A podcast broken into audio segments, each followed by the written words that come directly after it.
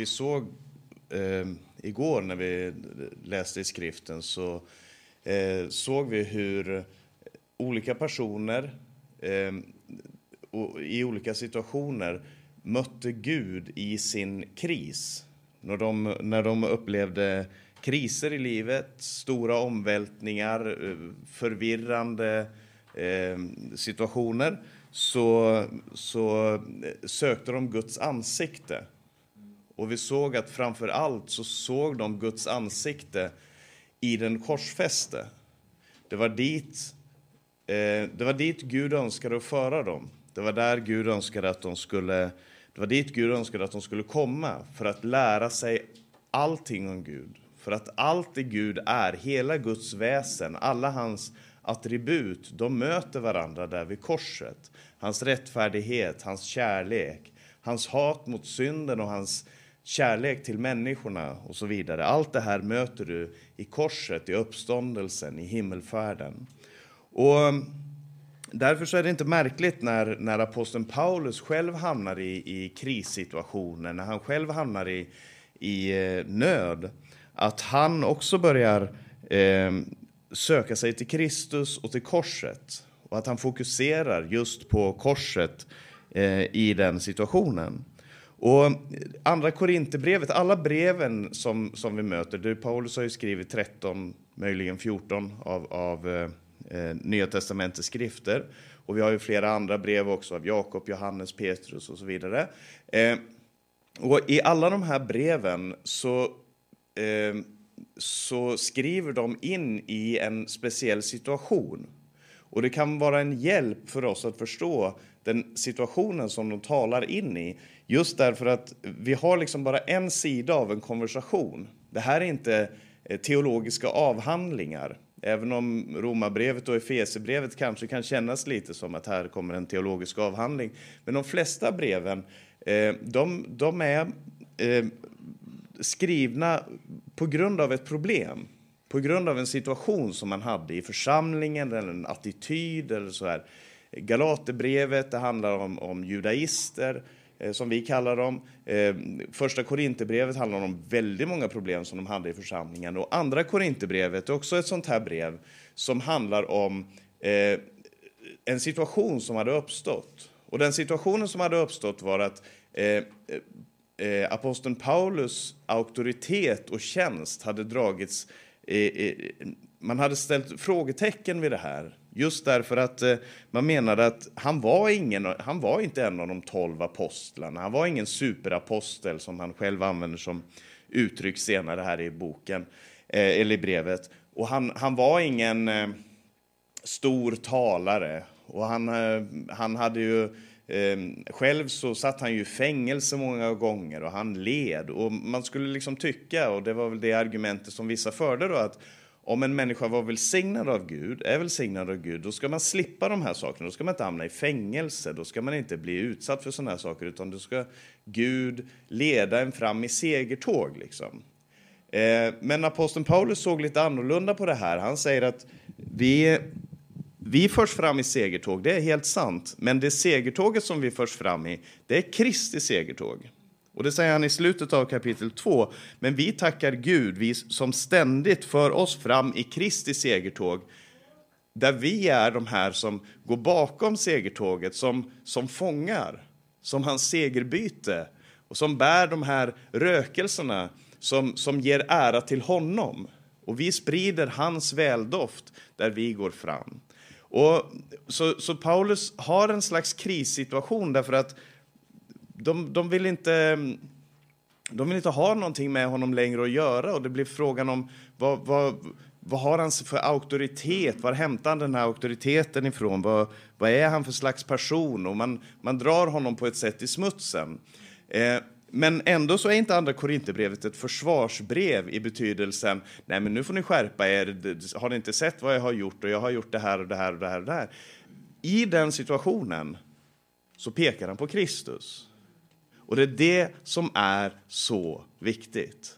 Det är det som är så lärorikt. Han klarar inte, även om man kommer tillbaka till och han säger om jag ska tala som en dåre så, så kan jag säga att ja, om de säger att de har haft uppenbarelser, jag har haft fler uppenbarelser. Om de säger att de har mött Kristus, jag har mött Kristus och så vidare. Men han vill inte tala om det där. Han vill tala om Kristus. Han vill sätta fokus där. Och det är där han, liksom Moses som sa låt mig få se din härlighet, låt mig få lära känna dig, låt mig få lära känna dina vägar. Så, så använder han den här, eh, så, så säger han här att jag vill se Kristus. Jag vill få se honom. Och det vi läste sist här, eh, förra, eh, förra mötet, det var det som står i kapitel 3 och vers 18. Och alla vi som med obeslöjat ansikte ser Herrens härlighet som i en spegel, vi förvandlas till en, till en och samma bild, från härlighet till härlighet. Det sker genom, Herrens, genom Herren, Anden. Och, och så kommer det här i kapitel 4. Och så säger han så här, därför. Är det lite rundgång här? Mm. Mm försöka hålla den här lite närmare så ska se om det försvinner. Eh, därför, när vi genom Guds barmhärtighet har denna tjänst så ger vi inte upp. Därför, och det tycker jag är en intressant fråga. Vad menade Paulus var värt allt det här och ändå kunna säga jag ger inte upp? Jag har inte, jag har inte tänkt ge upp ändå. Nu är det de här människorna som menar en massa saker.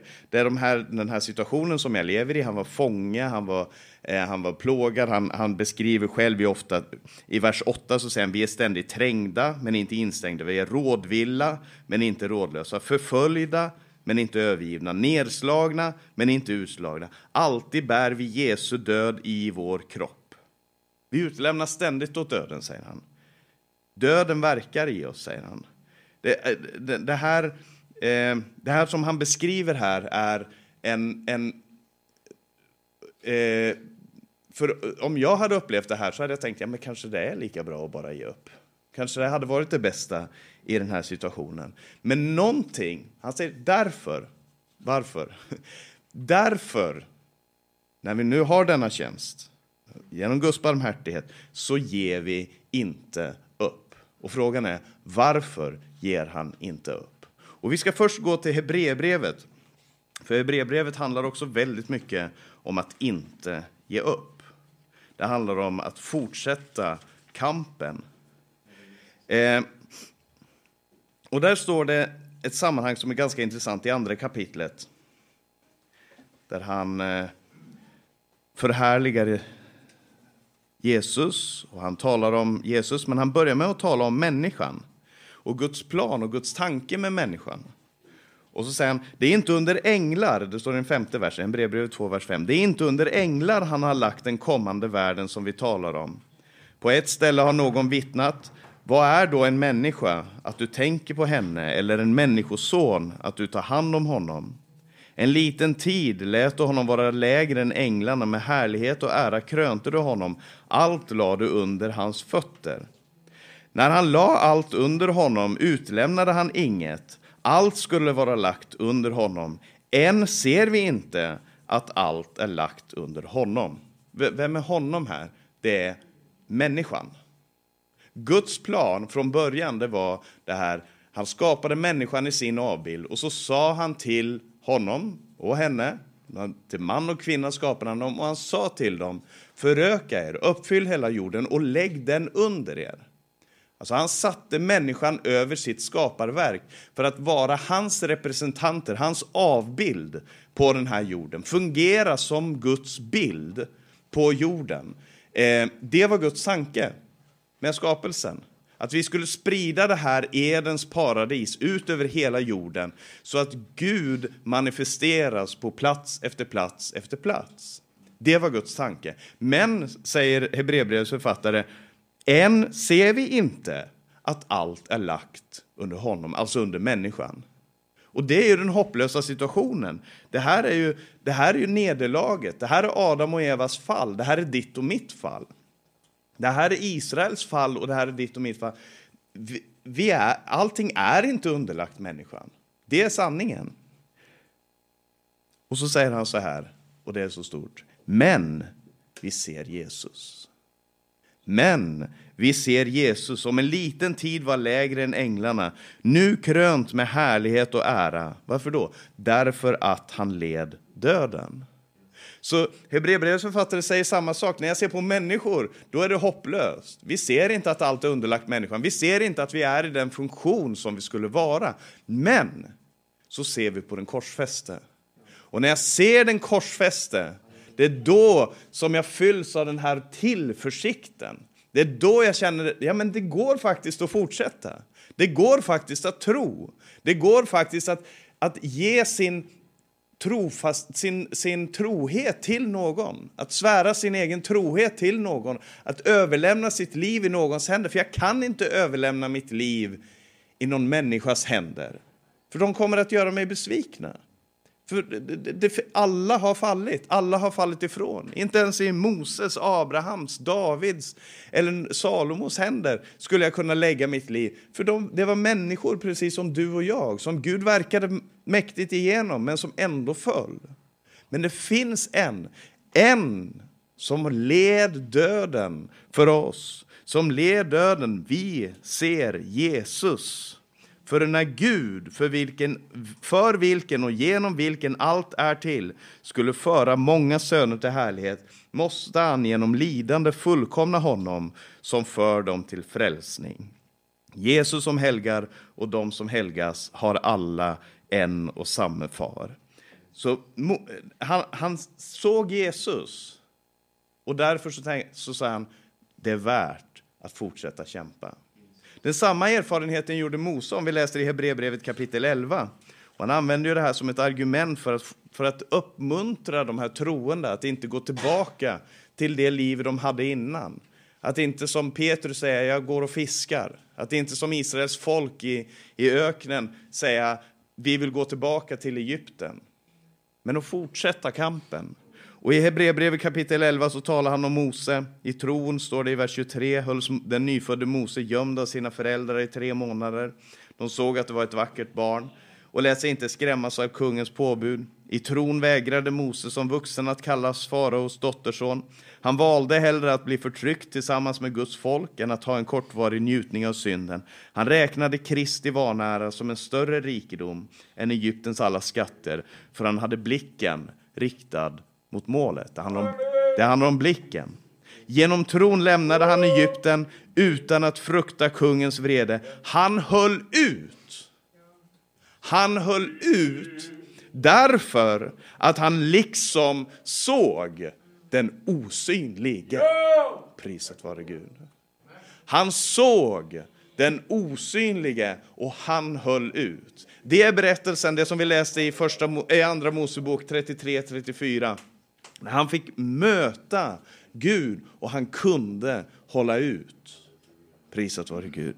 Och så, och så applicerar författaren här det här, den här berättelsen om alla dessa trons hjältar, den applicerar han på dig och mig. Eller rättare sagt, han applicerar den på sin samtid. Men jag tror att vi väldigt enkelt kan applicera det här på oss också.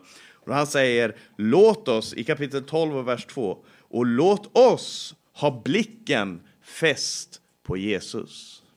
Han såg den osynliga, Moses såg den osynliga och han kunde hålla ut. Och så säger han, men låt oss se på Jesus, trons upphovsman och fullkomnare. För att nå den glädje som låg framför honom uthärdade han korset utan att bry sig om skammen och sitter nu på högra sidan om Guds tron. Tänk på honom som fick utstå sådan fiendskap från syndare så att ni inte tröttnar och tappar modet. Det är lätt att tröttna, det är lätt att tappa modet. Och, men det, och det finns bara en kraftkälla. Det finns en kraftkälla för att få förnyat mod. För att få, för att få, eh, för att väckas upp och få kraft för den fortsatta vandringen. Och det är att se honom som ser mig. Det fick, det fick Hagar uppleva när hon var på dödens rand och hon visste inte vart hon skulle vända sig. Men så fick hon se honom som såg henne. Hon sa, Ber Lahairoi har jag fått se honom som ser mig. Och en källa sprang upp i öknen i mötet med Herren. Det är erfarenheten som alla de heliga har fått göra. De hämtade inte sin inspiration i sig själv. De hämtade inte sin kraft inifrån. Hade jag varit en inspirationstalare på ett TED-talk någonstans så hade jag talat om att hämta kraften här inifrån. Han, de hämtade egentligen inte heller kraften från världen runt omkring sig, för det är en fallen värld. Men de hämtade sin kraft i mötet med Gud. Prisat vare Gud. Och, och därför, ska vi gå tillbaka till Andra Korinthierbrevet. Därför, när vi genom Guds barmhärtighet har denna tjänst, så ger vi inte upp. Så blicken på Jesus, det var Paulus motgift mot hopplöshet. Vi har tagit avstånd från allt hemligt och skamligt och använder inga knep. Vi förfalskar inte Guds ord, utan lägger öppet fram sanningen och överlämnar oss inför Gud åt varje människas samvete. Om vårt evangelium är dolt, så är det dolt för dem som går förlorade. Den här världens Gud har förblindat de otroende sinnen så att de inte ser ljuset som strålar från evangeliet om Kristi härlighet, han som är Guds avbild. De ser inte ljuset som strålar från evangeliet om Kristi härlighet. Vi predikar inte oss själva, utan Jesus Kristus som Herren och oss som era tjänare för Jesus skull. Prisat vare Gud. Här, här eh, berättar han vad som är evangeliet. Här berättar han vad som är vår förkunnelse. Vad är det vi förkunnar för någonting? Vad är, vart är vårt fokus? Vad är centrum? Vad är det centrala i vår förkunnelse? Det är detta. Jesus är Herre. Vi förkunnar Jesus som Herre. Och oss, om vi till nöds måste nämna någonting om oss själva, vi är era tjänare för Kristi skull. Vi har en tjänst att utföra. Vi har en tjänst som vi har blivit insatta i. Vi är alltså inte våra egna herrar. Och vi är heller inte herrar över några andra. Vi bestämmer inte över någon annan. Det är Jesus som är Herren. Vi är tjänarna. Vi är inte, jag är inte min egen herre, jag har en tjänst. Den tjänaren, han frågar sig inte vad, jag, vad vill jag göra idag? Han frågar sig själv, hur ska jag kunna behaga min herre? Det är frågan som ställs om man säger Jesus är Herre. Och jag tror att det är allt för ofta, alldeles för ofta, som, som verkligheten är. Paulus är Herre. Och nu är Paulus det Paulus vill göra. Och så, och så gör jag det som jag har satt i sinne och så får vi se om, om Gud följer med. Eller jag kan i alla fall komma på hur jag skulle tycka att Gud borde eh, tycka om det jag har kommit på att jag ska göra. Men för aposteln Paulus så gick det genom så många prövningar, så många teststationer helt enkelt, där han sattes på prov gång på gång på gång på gång, där han kunde ge upp, där han kunde ge upp och där han kunde ge upp. Alltså, men jag är inte min egen herre. Jag ser på Kristus och så följer jag hans fotspår, han som led döden för mig. Han som led döden för att frälsa syndare. Han vill att jag ska formas enligt samma princip, efter samma bild. Att vi ska formas till den samma bilden. Och eh, för två veckor sedan var det väl nu som vi hade en eh, inte, som vi hade bröllopsfest här för, för Vendela och Jakob. Väldigt fin fest. Väldigt tacksam för att jag fick komma. Eh, då, då, uppe i andra våningen där så hade de, och det passade mig helt utmärkt, där hade de en bibel. Och den skulle man markera någon favorit. Man skulle markera sin favoritvers.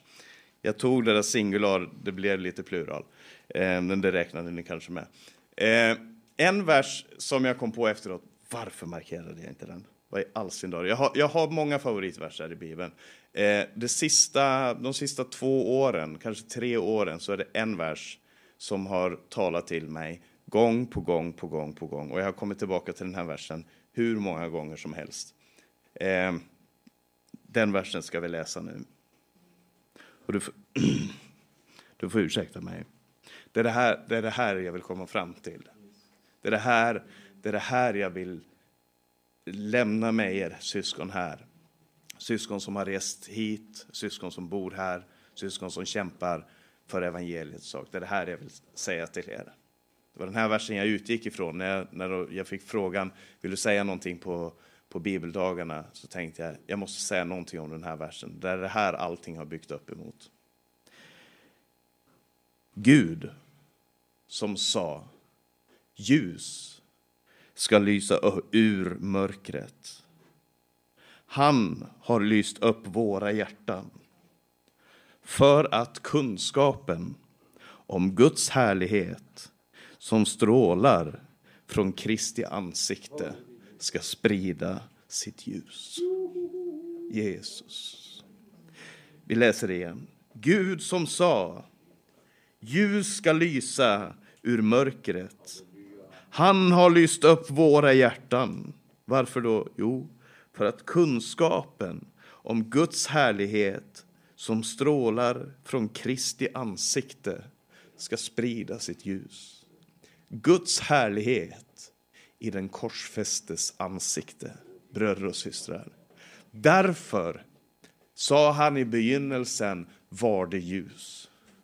Det var därför han sa var det ljus. Och därför en dag i ett pojkhjärta så sa Gud var det ljus i det här hjärtat. När jag böjde knä och sa Jesus fräls mig så sa Gud var det ljus och det blev ljus. Käre Gud, han, och det var inte bara för att jag skulle få uppleva ljuset. Han säger för att för att kunskapen om Guds härlighet som strålar från Kristi ansikte ska sprida sitt ljus.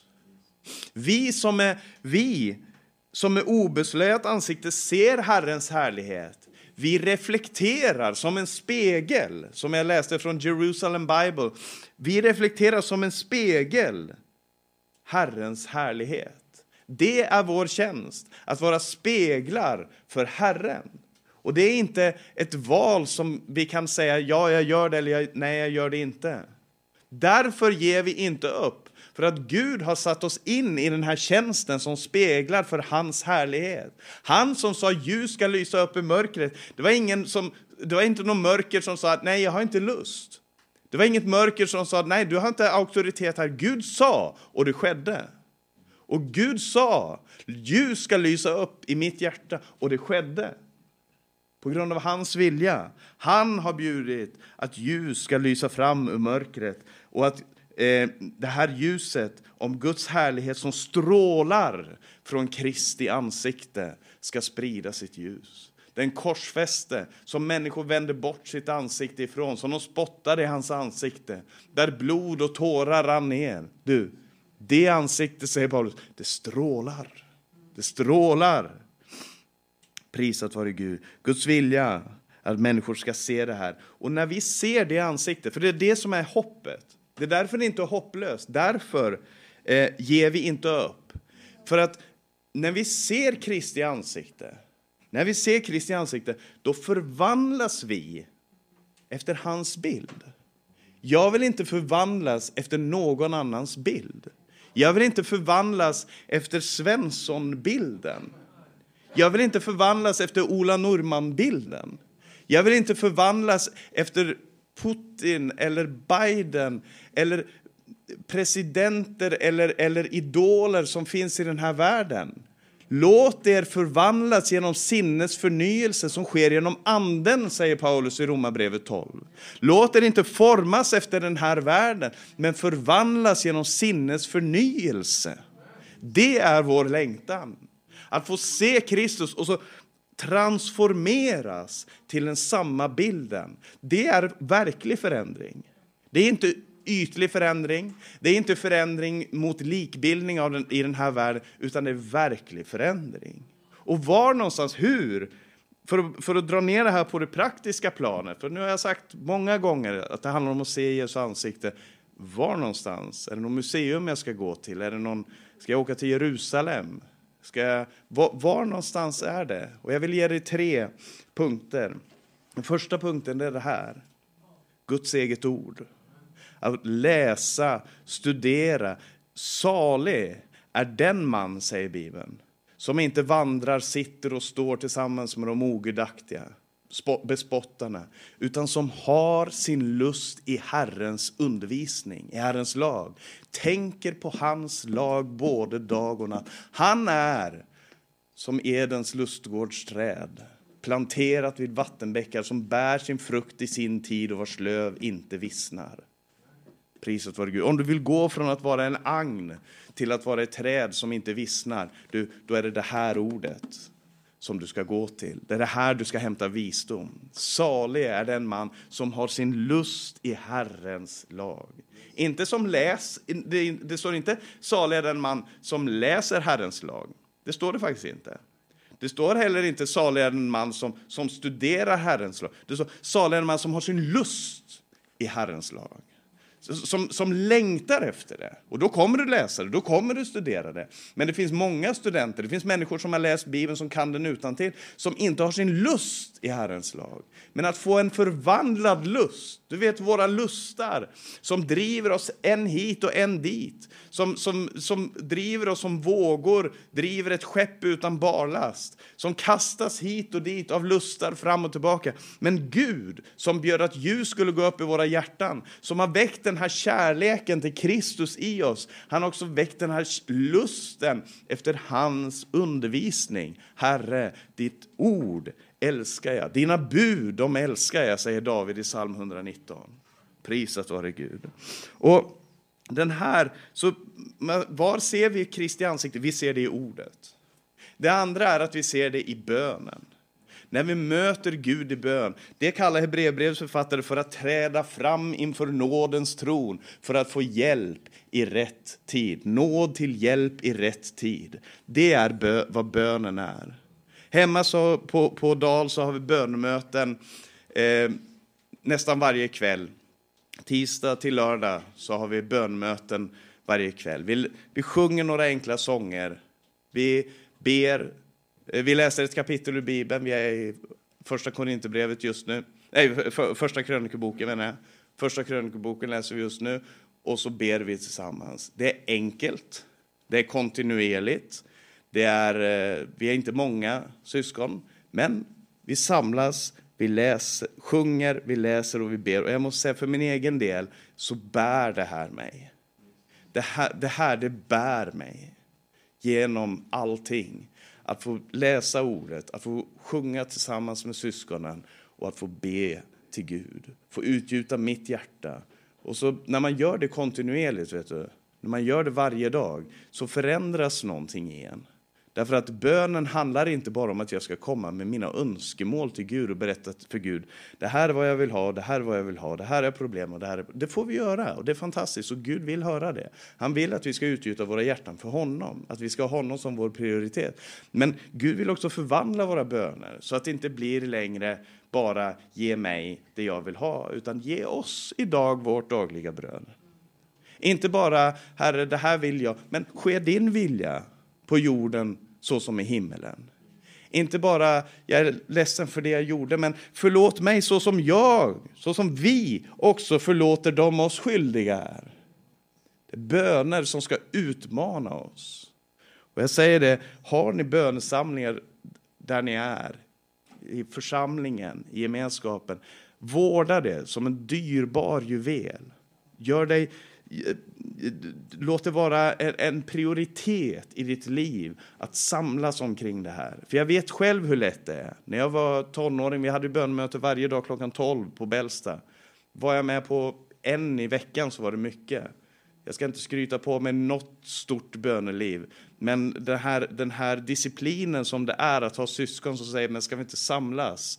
Nu kommer vi tillsammans här. Varje kväll klockan nio så samlas vi och så, och så ber vi tillsammans. Det har, det har burit mig väldigt, väldigt mycket, det måste jag säga. Det är en stor, stor glädje att få möta, se Kristi korsfästa ansikte i möte med honom i bönen. För att när jag kommer med mina problem så se, ser jag Jesu Kristi ansikte och så sätts saker och ting i sitt rätta perspektiv. Och det tredje som jag vill säga, var möter vi Kristi ansikte? Det är här. Det är här, bland syskonen. För att Kristus har tagit sin boning i dig och dig och dig och mig. Han har tagit sin boning i oss. Och det är också väldigt kontraintuitivt. Precis som det var för de som såg upp på en korsfäst och sa, är du Messias? Är du judarnas konung? Så kan du se på mig och så kan du säga, men är du, ska jag möta Kristus i dig? Och det är helt sant, det är väldigt, väldigt eh, fattigt. Men det är någonting. Det är någonting. Och det är, det finns en, Guds, Gud har tagit boning i dig och mig.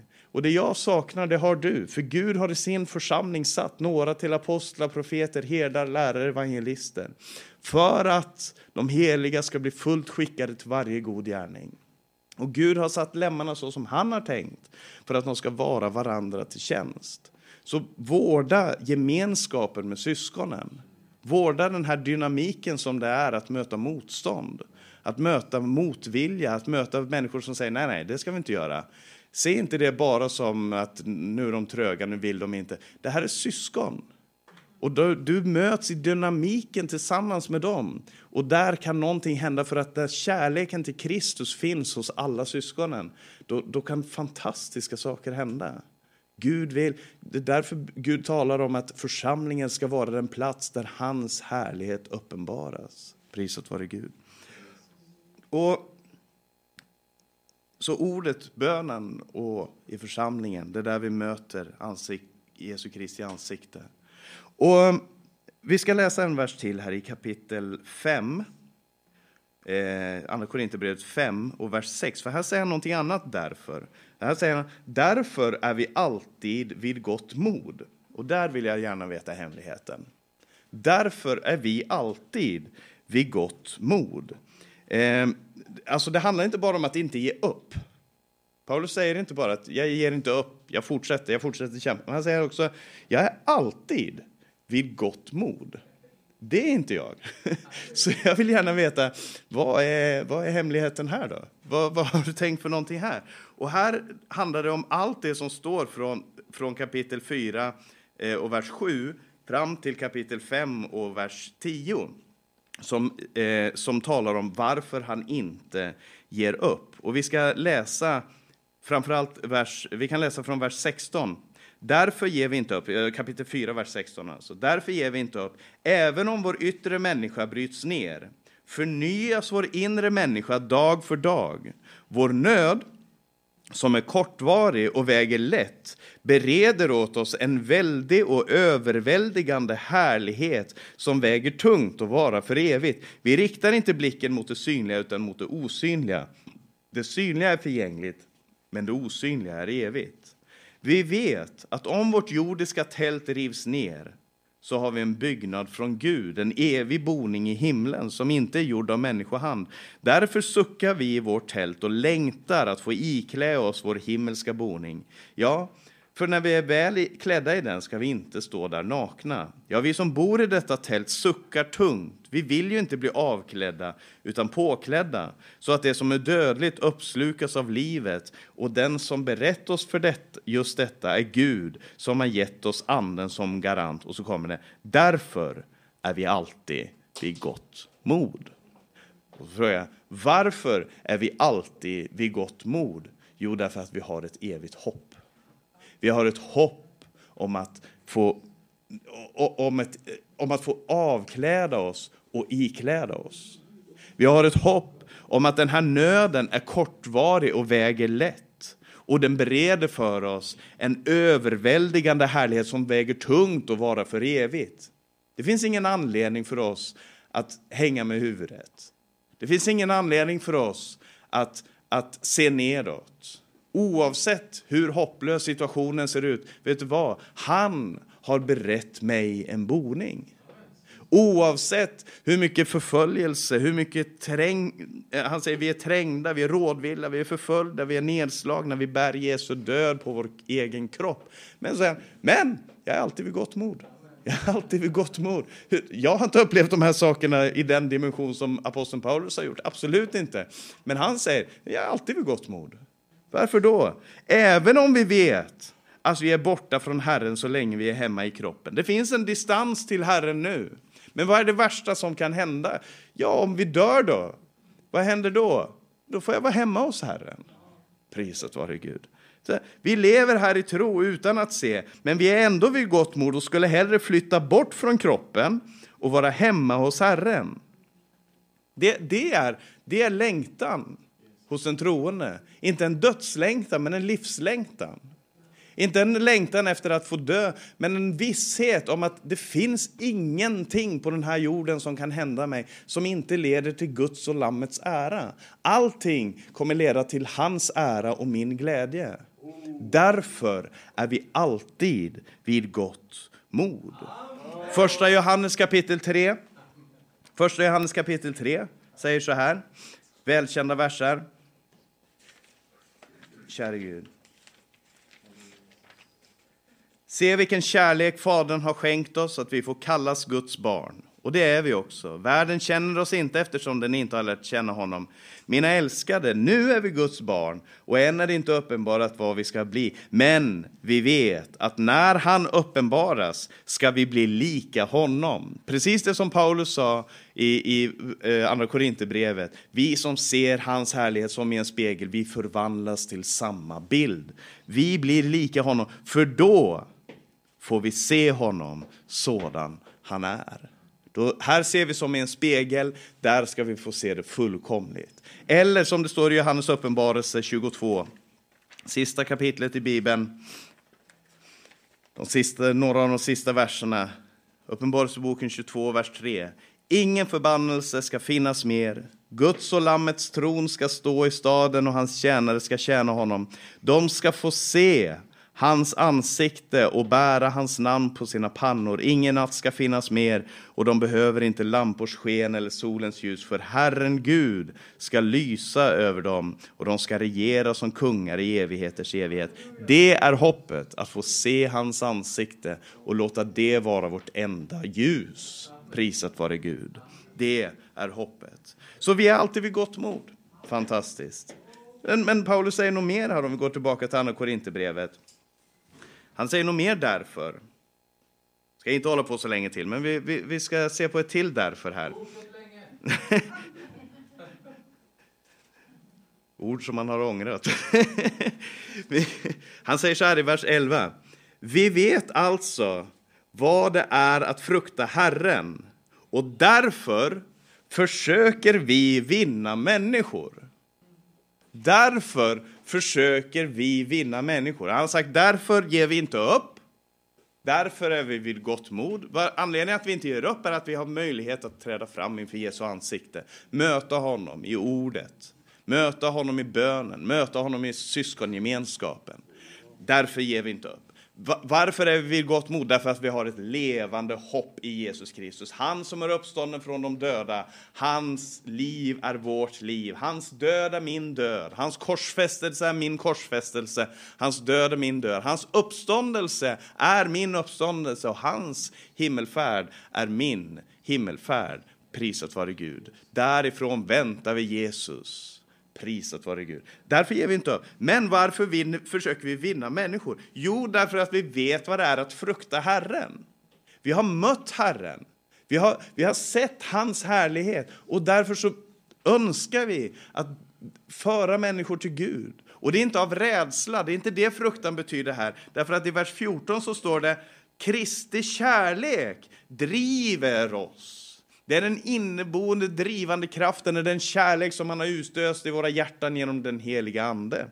För vi är övertygade om att en har dött för alla och därför har alla dött. Och han dog för alla med en avsikt, och den avsikten kommer här. För att de som lever inte längre ska leva för sig själva, utan för honom som har dött och uppstått för dem.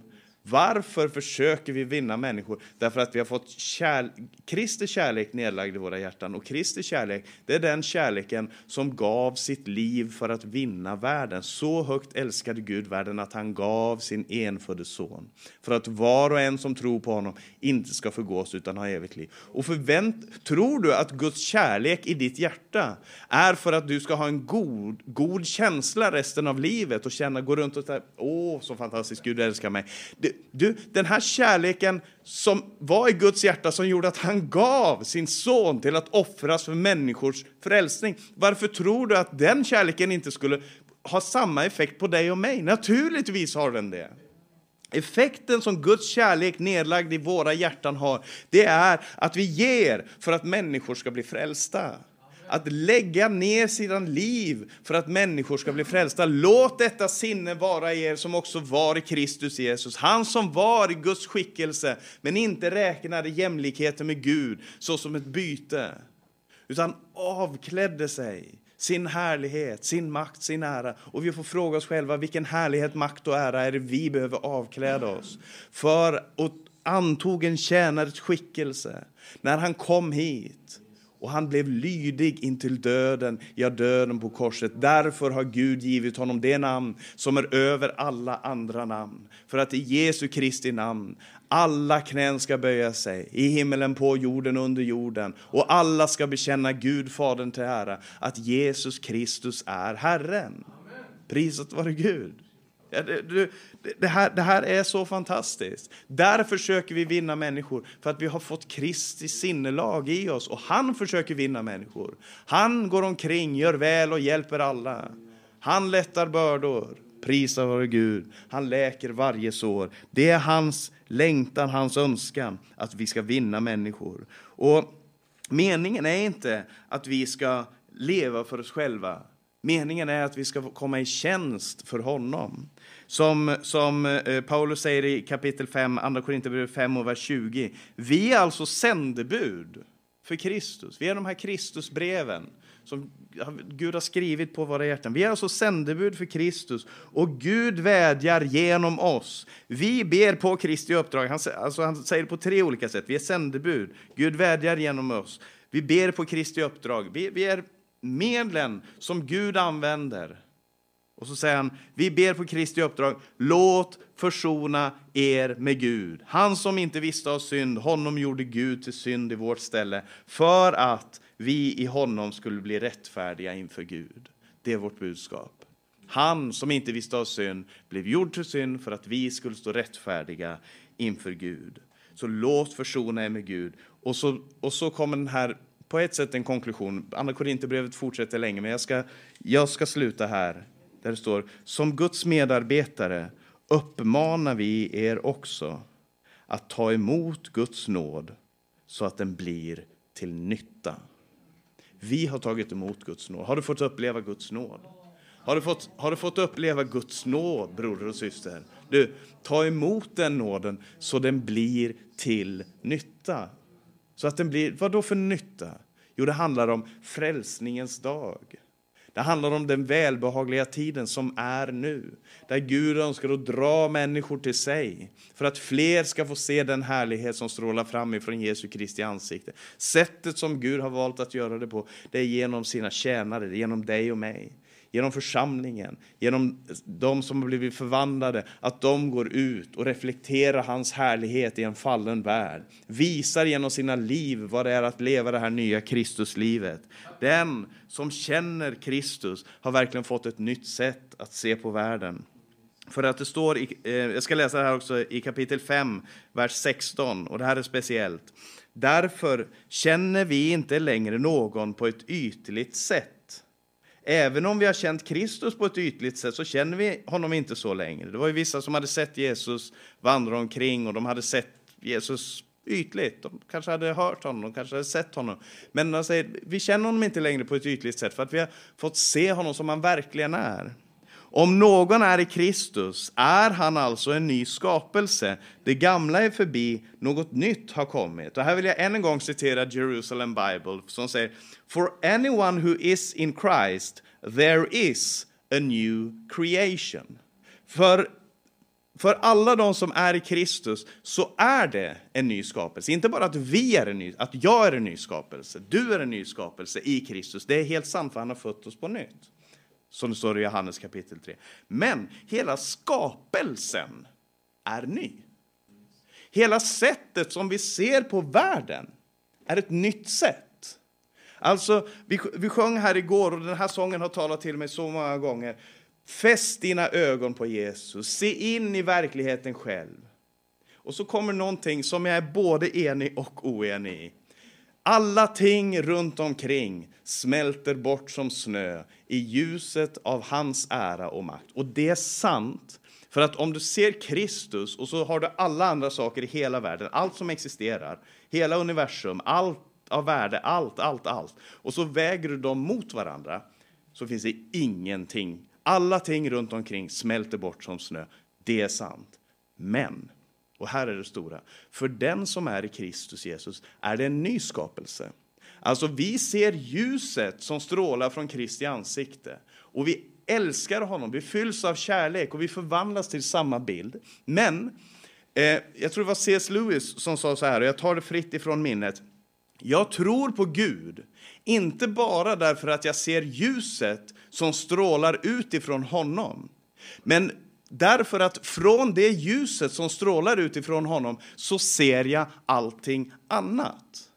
Allting får sin rätta plats, sitt rätta värde, sin rätta, eh, sin rätta tyngd, ära och härlighet i ljuset från Kristus.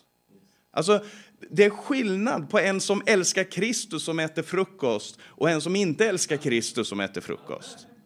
Förstår du?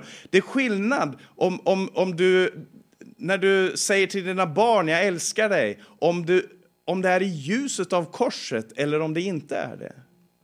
Det är skillnad på allting du gör. När du klär på dig kläder på morgonen, när du åker till jobbet, det jobbet du gör, allting som händer under din dag, det är en helt ny värld när du är i Kristus. Och det måste vi komma ihåg. Alltså, alla ting runt omkring inte bara smälter de bort som snö jämfört med honom, men de får sitt sanna värde.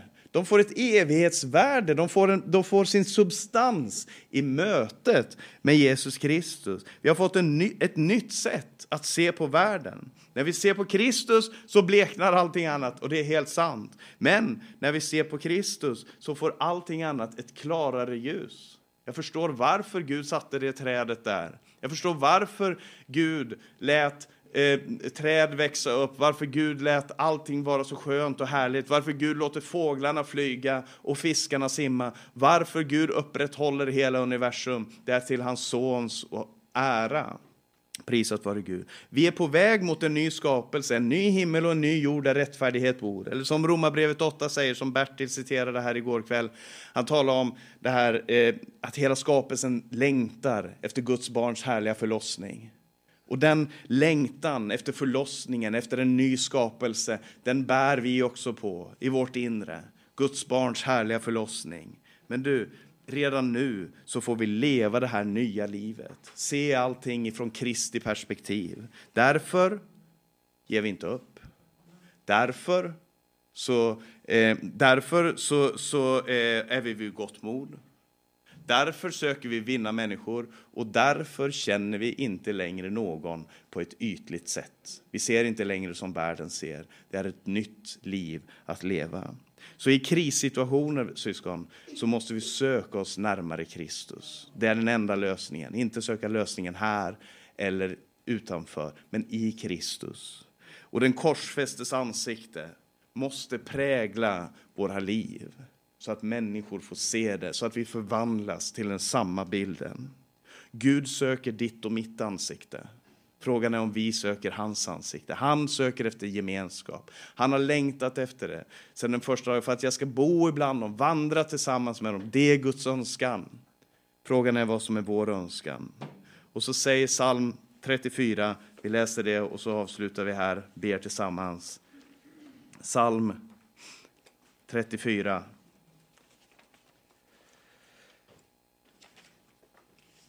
så önskar jag er Guds rika välsignelse med de här orden från vers 2. Jag vill alltid prisa Herren, hans lov ska ständigt vara i min mun.